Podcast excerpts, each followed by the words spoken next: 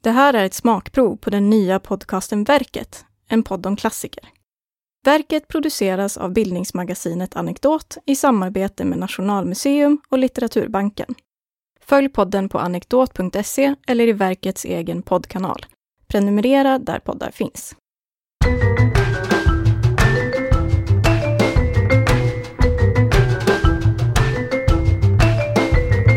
Varmt välkomna allesammans till ett avsnitt av Verket, en podd om klassiker. Idag ska vi ägna oss åt Karin Boyes dikt I rörelse. Jag heter Paulina Helgesson och min medpratare idag är Johan Svedjedal som ska få presentera sig själv. Tack så mycket för att jag får vara med här Paulina.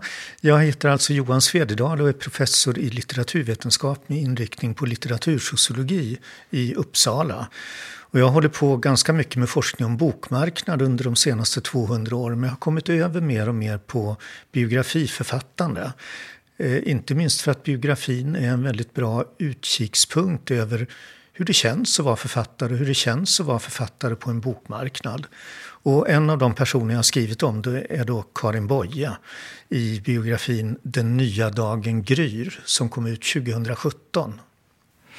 Just det. Och den här titeln är ju inte helt ointressant ska sägas för dagens samtal.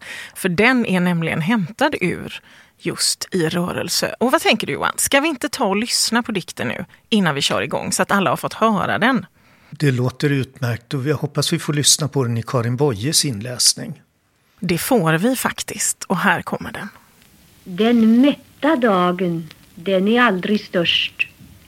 Den bästa dagen är en dag av törst. Nog finns det mål och mening i vår färd. Men det är vägen som är mödan värd. Det bästa målet är en nattlång rast där elden tänds och brödet bryts i hast. På ställen där man sover blott en gång blir sömnen trygg och drömmen full av sång. Bryt upp, bryt upp, den nya dagen gryr. Oändligt är vårt stora äventyr. Det är ju väldigt härligt att få höra Karin läsa detta själv. Men om vi börjar någonstans där det kan vara bra att börja för alla de som faktiskt inte har superkoll. Vem var Karin Boye egentligen? Vi har ju en bild av Karin Boye att hon är en väldigt allvarlig och etiskt högspänd författare eh, som liksom kräver ganska mycket moraliskt av, av Eh, personer och av läsare. Och det är helt rätt. Det var en stark sida av henne. Men jag tror man ska gå in i den ingången att Karin var en kul tjej. Det glömmer vi ofta. Hon var en väldigt levande person. Hon var eh, skojfrisk, självironisk, sportig. Hon var en modern yrkeskvinna. Eh, och om vi hoppar framåt långt så kan man säga att jag tror att man för mycket har sett det här olyckliga självmordet som någon sorts nyckel till hennes liv. Det var inte det hennes liv handlade om utan hennes liv handlade ju om aktivitet, att förbättra för människor. Ja, att ställa krav på människor, att ställa krav på sig själv. Men också ha kul och söka frihet. Så det är ett svar på henne. Men sen har man ju den sociala bakgrunden och liksom hela hennes barndom och sådär. Och det är, en, det är en annan femma. Kan du inte säga några meningar om det Johan? Mm. Alltså hon kom ju från övre medelklass i Göteborg då. Familjen hade det väldigt bra ställt och, bodde i en stor våning och hade tjänstefolk och sådär. Men sen blev det liksom en serie katastrofer i familjen. Och den första var när Karin var ganska liten. Och det var när hennes mamma fick sitt tredje barn så hade hon en väldigt svår förlossning. Och efter det så utvecklade hon ett alkoholmissbruk. Och det där hade att göra med en ordination som hon hade fått från en läkare faktiskt. Som sa att hon skulle stärka sitt blod genom att dricka porter och maltextrakt. Det var dåtidens kur för det där. Eh, och det där gick överstyr för mamma så att hon blev hon hade alkoholproblem några år och Karin som var äldsta barnet, hon trodde att det var hennes ansvar att ta hand om mamman. Samtidigt som hon var skräckslagen för att mamman blev så förändrad. Och det där var långt upp i åren så hade Karin väldigt svårt att förlåta mamman där. Hon såg det liksom bara som någon sorts oansvarighet. Och, jag menar, vi skulle kanske prata om, om eh, postnatal depression eller eh, amningssvårigheter eller vad det nu var för mamman som hon försökte medicinera bort. Men det där insåg aldrig Karin. Hon blev liksom hela tiden den här lilla fyraåringen i förhållande till mamman. Och sen efter några år så förlorade pappan sitt jobb. Och familjen blev tvungen att flytta till Stockholm då och hade det ganska svårt i några år socialt sett. Det där brydde sig nog barnen inte så mycket om och familjen kom på rätt köl igen. Pappan fick ett bättre jobb och de kunde flytta ut till Huddinge då, där han köpte ett eget hus. Och där hade familjen det väldigt bra. De kom tillbaka till den här övre medelklasstillvaron och Karin hade ett eget rum där uppe under takåsarna som hon älskade. Där hon satt och skrev och, och ritade och sådär. Och det man ska veta om familjen Boye då, det är att de var faktiskt ganska radikala för sin tid för att de satsade hela tiden på Karins utbildning. Det var självklart för dem. Det var självklart att hon skulle gå gymnasiet. Tittar man på statistiken så var det inte det för flickor. Och det var självklart att hon skulle få utbilda sig till lärarinna, folkskollärarinna. Det gjorde hon efter gymnasiet.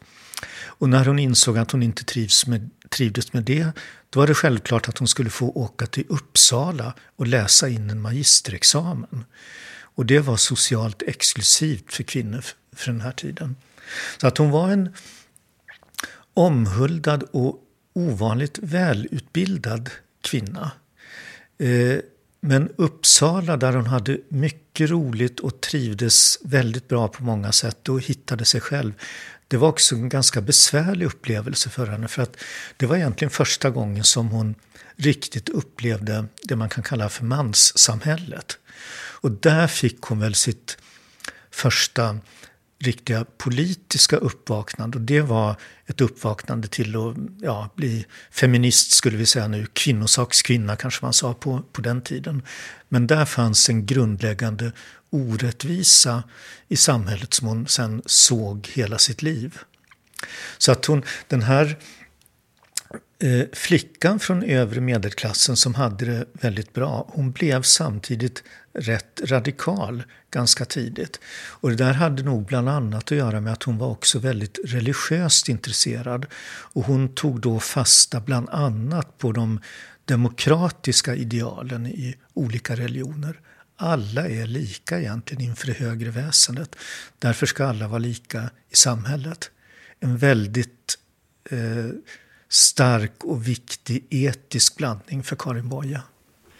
Hon är ju en av våra mest folkkära poeter. Alltså det är ju lite av en klyscha, det säger man om många. Så här, hon är en eller han är en av våra mest folkkära. Men i Karin Boyes fall så, så stämmer det ju ganska bra ändå, gör det inte det?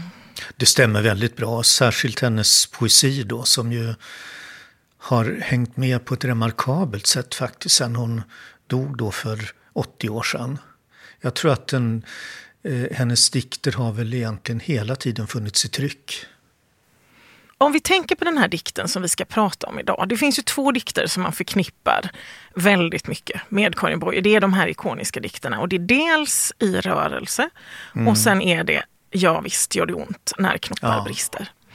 I rörelse, som vi hörde Boje läsa själv förut. När fanns den i tryck första gången? När mötte den offentligheten ja. allra först? Den kom i tryck i tidskriften Clarté hösten 1927. Det var första gången. Och då var den lite undanstoppad längst bak i ett nummer av, av Clarté. Så att den gjorde inte mycket väsen av sig på det sättet. Men ganska snabbt så blev den uppmärksammad. Och sen kom den ju i hennes diktsamling Härdarna, bara kort efter det här. Mm, så det var 1927. Och när ja. du säger Clarté, Alltså mm. Den här tidskriften Clarté var kopplad eh, ja. till föreningen Clarté. Den måste vi nästan prata lite mer om, tänker jag. Vad var Clarté egentligen? Ja, alltså Clarté var enkelt uttryckt dåtidens studentvänster. Och Clarté var egentligen en antikrigsorganisation som hade grundats då i, man säger, i chocken efter första världskriget. Och då var tanken att ja, man skulle undslippa det här helvetet med världskrig framöver. Och hur skulle man göra det? Jo, man skulle införa socialismen egentligen eh, runt om i världen. Och så hade man tänkt vidare på det här och sa att vilka var det då som skulle göra det här? Vilka skulle åstadkomma den här nya rörelsen? Jo, det skulle vara studenterna. Man siktade väldigt medvetet på olika studentgrupper runt om i Europa. Så att klartéföreningar grundades på olika universitetsorter utomlands och i Sverige. Och sen efter några år då så kom tidskriften Clarté till. Så själva föreningen Clarté började grundas med lokalverksamheter i början av 20-talet i Sverige. Och tidskriften Clarté kom till 1924. Och det här var precis den tiden när Karin Boye var student. Först i Uppsala och sen i Stockholm. Så att hon kom ju nära den här rörelsen som inte alls bara var en politisk rörelse i vad ska vi säga, smal mening. Utan det var ju en kulturrörelse och eh, ett sätt att överhuvudtaget förändra människors sätt att tänka och vara. Hon träffade också sin blivande man Leif Björk i Uppsala då. De flyttade sen till Stockholm och fortsatte med Clarté där. Eh, och till exempel en person som Gunnar Ekelöf fanns med i utkanten av Clarté-rörelsen. Det är ju är väldigt klart, spännande. Ja. Sen är det klart att många politiskt och ekonomiskt intresserade, det var mycket prat om sovjetiska femårsplaner och det samhällsexperimentet. Och sen kan man lägga till då också att eh, Clarté på den tiden var en väldigt manligt dominerad församling och man skulle kunna säga att de var manligt kodad i moderna termer. Det vill säga de intresserade sig så att säga inte särskilt mycket för eh, kvinnors sämre villkor än män. Det, det var klass man gick in i, det var inte kön eller genus. Men Boye, hon hade ju koll på det här med eh, könsaspekten, rättvisefrågor mellan män och kvinnor. Så det var mycket det hon arbetade med och för i Clarté. Men jag grubblar lite över, finns det någon anledning till att I rörelse dök upp i Clartés tidskrift första gången? Ja, det fanns väl egentligen två anledningar. En ganska praktisk anledning det var att hon hade då under sin tid i Uppsala från början av 20-talet, då hade hon blivit en poetisk stjärna, en, en, poetisk kändis i Uppsala. Hon hade debuterat, givit ut ett par diktsamlingar. Hon skrev mycket i studenttidskriften Ergo. Och det var liksom hennes plattform. Eh, hon hade sina vänner runt det där. Men jag tror att hon, det där kändes liksom lite för utslitet och studentikost för henne. Så att när Clarté kom, då vidgade den vyerna mot hela världen och stora politiska frågor. Och då flyttade hon egentligen över sitt skrivande till Clarté. Så att det var då hennes hemmaarena. Det var naturligt för henne att skriva där. Det är liksom det begränsade svaret och det bredare svaret det har ju precis att göra med tematiken egentligen i dikten. Alltså den här eh, reformiven, framstegsoptimismen, eh, känslan av egen plikt att förbättra världen. Och det där var precis Clartés grundvärden vid den här tiden. Och den blev alltså mycket riktigt väldigt snabbt känd som Clartés kampsång. Det var så folk såg på den på 20-talet. Kopplingen till Clartérörelsen var helt uppenbar och den har ju fallit bort nu när vi läser den här dikten på, i helt andra sammanhang. Men du nämnde förut att den här eh, dikten dyker också upp i hennes eh, diktsamling Härdarna som kom ut samma år, 1927. Ja. Vad fick den här dikten, eh, liksom uppmärksammades den? Man vill ju gärna tänka så här i efterhand när vi vet att det här är en av hennes ikoniska dikter, att att man såg detta redan då när det begav sig. Men så funkar det ju sällan, ska sägas. Men hur var det i Bojes ja, fall med, med i alltså, rörelse? Ja, i, I det här fallet var det faktiskt så att dikten slog igenom direkt. Och det var lite speciellt därför att Boye var ju ändå fortfarande ganska ny som poet. Det här var hennes tredje diktsamling då. Eh, och hon var ganska ängslig när den kom ut. Hon trodde att ja, nu kommer de att skriva ner mig för att hon var ju förknippad med klarterrörelsen. tänkte hon att de konservativa kritikerna kommer inte att gilla det här. Mm. Men det gjorde de faktiskt. De, hon fick eh, överhuvudtaget ganska bra kritik för alla dikterna. Och väldigt många sa att just i rörelse eh, stack ut här och att den liksom var en generationsdikt och att den... De, någon kritiker sa att ja, ska man göra en eh, antologi över hur poesin såg ut och livsämnena såg ut vid den här tiden, då måste just i rörelse vara med. Så det, det var liksom den, den, den, goda nyheten. Sen den dåliga nyheten om man tittar på det här, det var då att sen skyndade alla kritiker att säga så här att ja, hon skriver bra för att vara en kvinnlig poet. Och det där var någonting hon fick leva med hela sitt liv. Att eh, liksom hon lyftes ut. Man, man satte inte in henne i Nej. hela bredden av eh, poetiska generationen. Men om vi tittar lite närmare på själva dikten så undrar jag, vad är det egentligen, tänker du Johan, som gör att den här har blivit så ikonisk både för Boye men också som dikt generellt? Mm. Det är alltid svårt att säga sånt där, men den är ju det är en väldigt avskalad och eh, direkt eh, dikt. Eh, det är liksom inte några onödiga utsidningar eller sådär, utan det bildspråket går ju fram väldigt direkt. Och om man tänker på de här två första raderna. Den mätta dagen, den är aldrig störst. Den bästa dagen är en dag av törst. Vad är det hon menar där egentligen, tror vi? Man kan väl säga att hon... Eh, människan bör inte slå sig till ro. Bör inte vara nöjd och försoffad. Det är väl ett sätt att parafrasera den. Eh, Sen kan jag inte låta bli att säga då att eh, den första raden i dikten är ju rubriken. Och det är faktiskt en ordvits. Det tänker man inte på. Men den handlar ju naturligtvis om att röra på sig, att, att gå framåt. Men den handlar också om att vara med i en rörelse, det vill säga Clarté-rörelsen. Just det, det har jag aldrig tänkt på. För det är, samtidigt så är det ju så här att det hon beskriver är ju ett slags hemlöshet på vissa sätt. Någonting som vi idag förknippar med, alltså det är oerhört Alltså att bli hemlös, man kan ju inte tänka ja. sig någonting värre. Att man har, ingen, man har ingen trygghet, man har ingen fast punkt. Nej. Det bästa målet är, ett natt, är en nattlång rast där elden tänds och brödet bryts i hast. Mm. Inget hem, inget kök, ingen mat. Alltså det, det, det hem som finns, som jag ser den här dikten, det är så att ett abstrakt hem. Därför att man ser i tredje raden då, om man räknar bort rubriken, det, det, är en väldig tröst i det. Alltså det finns faktiskt mål och mening i färden. Senare modernistiska dikter, de berövar ju människan allt det där. Det finns många dikter där det inte finns någon mål och mening utan allting är upplöst. Men här finns det ändå någonting högre man syftar mot. Inte i direkt religiös mening men alltså värden, ideal som människan kan sträva efter.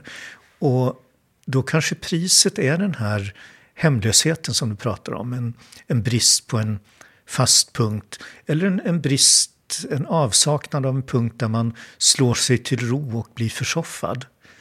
Karin Boye var ju en väldigt asketisk person genom hela sitt liv och det ser man ju här egentligen. Det, det är nästan ett sorts um, ja, nunneideal, en, en vandrande nunna eller sådär som man ser framför sig. Ja, och alltså vill man läsa den med väldigt moderna ögon så kan man ju också säga att det är, hon beskriver någon slags eh, eftersträvansvärd tillvaro där vi inte har så mycket bagage. Nej, I dessa precis. våra ganska materiella mm. tider. Att man skalar bort allt det här. Eh, och att det är liksom bortskalandet av detta ja. som gör att mening uppstår. Mening uppstår inte när man släpar sitt hem efter sig utan när man kan Nej. vandra på vägen. Alltså, och samtidigt, det hon säger är ju ganska tydligt, så att säga, att det är rörelsen, det är vägen som är ja. själva målet. Och det är ju en oerhört, det är en slagkraftig sanning tror jag för många. Och det är som du säger att den här dikten vad talar den inte om? Ja, den talar ju inte om, som du säger, att eh, söka efter några materiella tillgångar, materiella fördelar och sådär. Den handlar inte ens, får man säga, om att söka efter kärleken mellan två personer. Utan den är på en högre nivå då. Det är en, en kärlek till en högre uppgift. Att eh, förverkliga olika typer av ideal då. Så att den, eh, individen blir, blir verkligen underordnad den här större rörelsen. Rent formmässigt om vi tittar på den, det är en ganska kort dikt. Det är liksom ja. fem stycken tvåradingar. Alltså, på vissa sätt så tänker jag när jag tittar på den att den egentligen inte är särskilt representativ för hur hennes dikt ser ut ur ett formmässigt perspektiv. Är det jag som tänker fel där? Den är väl representativ för en del av hennes diktning som ju var bunden. Eh, hon var ju skicklig på att rimma och sådär. Sen blev hon ju en, en av pionjärerna för den fria versen i den svenska litteraturen. Men lite grann kan det här ha att göra också med eh, den poet hon var då. För att hon var ju i de här studentkretsarna ofta en väldigt muntlig poet. Hon var väldigt uppskattad som uppläsare. Hon blev en väldigt skicklig och, och Eh, magnetisk uppläsare. Det är många som har pratat om det. Att hon, hon ställde sig på scenen, eller om det var sådana uppläsningar. Eller hon ställde sig i hörnet i ett rum. Eh, och så bara la hon händerna efter sidorna och tittade lite fjärrskådande. Och så blev det alldeles tyst runt henne. Och hon läste på det här magnetiska sättet som drog in människor i det här. Och då är ju sådana här dikter som är korta, tydliga, rimmade, bundna, de fungerade ju oerhört bra för den typen av, av situationer. Men Johan, bortsett från allt som vi har sagt om den här dikten idag så finns det ju en sak som vi faktiskt inte har pratat om. Det är ju mig veteligt den enda dikt i den svenska litterära historien som har vunnit Sverige ett VM-brons i fotboll. Ja, det kan det nog ha varit. Det var ju en märklig turnering det här fotboll 94. Och det sades ju i tidningarna redan då att eh, förbundskaptenen Tommy Svensson använde den här dikten i omklädningsrummet för att peppa det svenska laget. Alltså läsa upp i rörelse. Det ser man ju inte ofta att eh, manliga förbundskaptener använder dikter, allra minst av kvinnliga författare skulle jag säga, för att bygga upp någon inför en match. Nej, alltså det framstår ju med något slags nästan mirakulöst skimmer. Mm. Just precis som den här kopplingen mellan en traditionell höglitterär dikt och ett väldigt alltså, uttalat sportsammanhang. Men jag tycker att det är det som gör det så fint. Det är det som gör det här, alltså det ger det en extra dimension. Mm. Men det är en, en, rolig sak med det här, eftersom jag är litteratursociolog så gillar jag ju att räkna saker. Så att jag gick in i de digitala tidningsarkiven och försökte se spåren i tidningarna från den här tiden av dikten. Eh, och det var ju väldigt, väldigt få artiklar som det stod just 94. Det var, eh, liksom, man kan räkna det på ena handens fingrar ungefär, hur man än söker. Så att det här nämndes väl då liksom i det allmänna flödet. Och sen var det med åren efteråt som dikten började riktigt komma tillbaka igen. Det har ju alltid varit en levande klassiker men ja. ser man att fraser i den här citerades i tidningar på ett helt annat sätt. Så att det var inte någon omedelbar effekt. Utan det är ju framförallt det kanske att vi sitter nu eh, liksom 25 år senare och pekar på det här att en fotbollstränare citerade en dikt. Det, vidden av det gick inte upp för oss när det var så spännande med fotbollsmatcherna. Ja, och jag menar, Boye har ju aldrig egentligen, det är inte så att man omnämner henne som nationalpoet direkt. Nej. Men i det här fallet så blev hon det, eller hon har blivit det i, i kraft av att åren har gått och man ändå har uppmärksammat det här sambandet. Ja, och det är ju också andra saker med Boye kan man säga som om man ska fundera på hennes ja, litterära liv efter hennes död. Då kan man säga att alla visste ju när hon gick bort att jo, men det här var en stor svensk författare och, och vi har gjort en förlust. Och hennes samlade skrifter började se ut och det kom en biografi efter ett antal år och sådär så att hon var liksom med. Men det var många sidor av henne som var dolda. Och man hade nog en, en ganska liksom glättad bild av henne.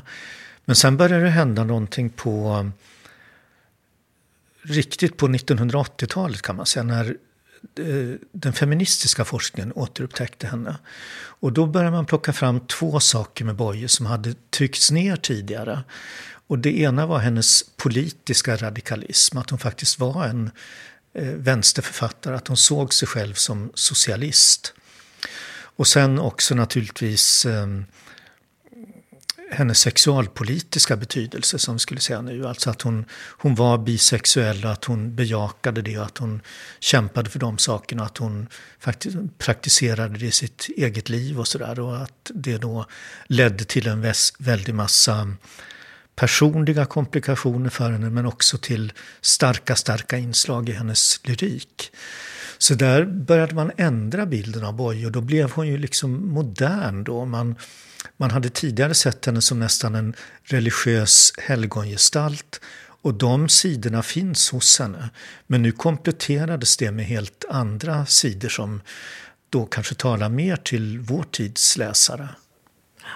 Och det är ju alltså det är väldigt fint det här. Det är ju en strävan som man alltid måste hålla på med på något vis. Att göra bilder av författare hela. Ja, så att man ja. inte bara fastnar i de här väldigt enkla etiketterna. För det, det ligger någon slags frestelse i det att göra saker och ting begripliga och endimensionella. Mm. Men det leder ju sällan framåt. Nej.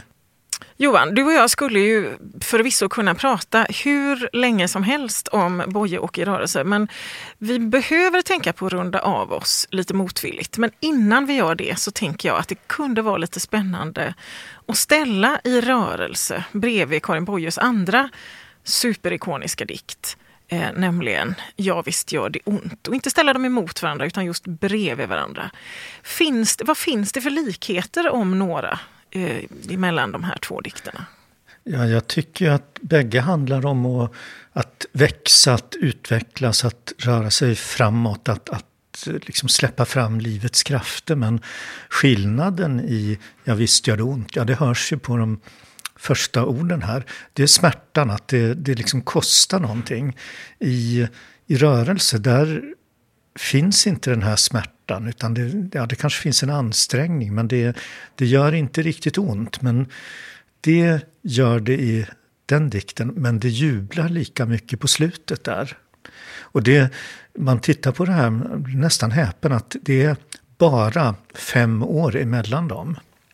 Ja. skrivs. Men det hade ju varit, Karin Boye hade ju haft ett oerhört innehållsrikt liv. Vi har inte pratat om det, men vad hon hade gjort då under de här åren emellan. Hennes vuxenliv började egentligen 1927. Sen hade hon gift sig. Hon hade haft eh, en massa olika kriser i sina personliga förhållanden. Hon hade varit nere i Berlin och genomgått psykoanalys och bejakat sin bisexualitet på ett helt annat sätt. Så att hon hade kommit mycket längre ner i sitt eget psyke och i, i smärtsamma erfarenheter. Och det är väl den erfarenheten som hon skriver om i den här dikten. Alltså jag tänker för alla som faktiskt inte har den i huvudet precis så vore det superfint om du kunde läsa den första strofen. Vill du det? Ja. Det här var en dikt som alltså var tillägnad Edin Wägner faktiskt. Det var en festskrift till henne. Eh, och den börjar så här. Ja visst gör det ont när knoppar brister. Varför skulle annars våren tveka? Varför skulle all vår heta längtan bindas i det frusna bitterbleka? Höljet var ju knoppen hela vintern. Vad är det för nytt som tär och spränger? Ja, Visst gör det ont när knoppar brister. Ont för det som växer och det som stänger. Det är ju inte svårt att se att den här har fått en så stark ställning Nej. hos människor. För att den är det här erkännandet av att utveckling och växande är smärtsamt. Men, Mm. Och det trösterika i den här uppmaningen att man ska våga. Det är så vackert. Ja, Men de här dikterna är egentligen samma andas barn kan man säga då. väldigt mycket ser jag det som det i alla fall. Och bägge dikterna är ju ljusa. Ja, visst gör det ont. Den börjar då bokstavligen med att det gör ont, men den slutar i den tillit som skapar världen. Det är väldigt fina ord det där. Och det där är också någonting utmärkande för Karin Boye. Men är det ändå inte så här Johan, att man undrar lite över motsägelsen i att en författare som skriver den här typen av livsbejakande, växande bejakande, mänsklig dikt slutar med att ta livet av sig? Jo, det är ju det är en konstig motsägelse. Och det är en faktisk motsägelse men det är också en skenbar motsägelse. För att jag tror helt enkelt att Karin Boyes självmord var ett misstag. Det var det klassiska ropet på hjälp som gick fel. Och det där skulle ta ganska lång tid att utreda men hon hade en historia i hela sitt liv av såna här nästan teatralt genomförda självmordsförsök där hon såg till att bli räddad hela tiden. Och det där hade då någon psykologiskt väldigt renande betydelse för henne. Och allting tyder på att det här sista självmordet var likadant. Hon lämnade en massa spår efter sig. Och så gav hon sig ut i naturen där och satt och tog sömnmedel. Men allt tyder på att hon räknade med att hon skulle bli hittad igen och räddad och hemförd. Och så gick det fel. Det var en serie olyckliga omständigheter. Men hon höll ju på för fullt med sitt arbete och allting fram till det där så att eh, hon verkade inte vara på väg ner. Jag brukar ibland fundera lite över hur hennes författarskap hade sett ut om hon hade fått leva över krigsslutet Ja. och in i så att säga den, den framrusande moderniteten. Och det är väldigt svårt att föreställa sig. Ja. Det, det håller jag med om. Det, samtidigt är det ju ett väldigt eh, så att säga, perfekt avrundat författarliv det här. Det blev liksom inga longörer på slutet utan och hon var ju verkligen på sin litterära topp när hon avled eller omkom då. Hon hade givit ut Kallocain något år innan, en, en av de stora antitotalitära romanerna i vår litteratur. Vi får eh, sluta på den eh, goda tanken, tycker jag, för idag. Ja. Det har varit jätteroligt att prata i rörelse och boje med dig Johan. Tack så jättemycket för att du var med. Tack själv, det var roligt att få vara med. Och för alla er som vill läsa i rörelse och väldigt mycket annat av Karin Boye så tar ni er till litteraturbanken.se. Där finns mycket att hämta. På ljud och bildsidan kan man också lyssna på fler inläsningar som Karin Boye gör själv och det finns en länk till det hela på anekdot.se. Och vi avslutar det här avsnittet av verket med att lyssna till ännu en inläsning av Karin Boyes I rörelse. Denna gång av Ingrid Elam. I rörelse av Karin Boye. Den mätta dagen, den är aldrig störst. Den bästa dagen är en dag av törst. Nog finns det mål och mening i vår färd, men det är vägen som är mödan värd. Det bästa målet är en nattlång rast, där elden tänds och brödet bryts i hast. På ställen där man sover blott en gång blir sömnen trygg och drömmen full av sång. Bryt upp, bryt upp, den nya dagen gryr. Oändligt är vårt stora äventyr. Du har lyssnat på Verket, en podd om klassiker.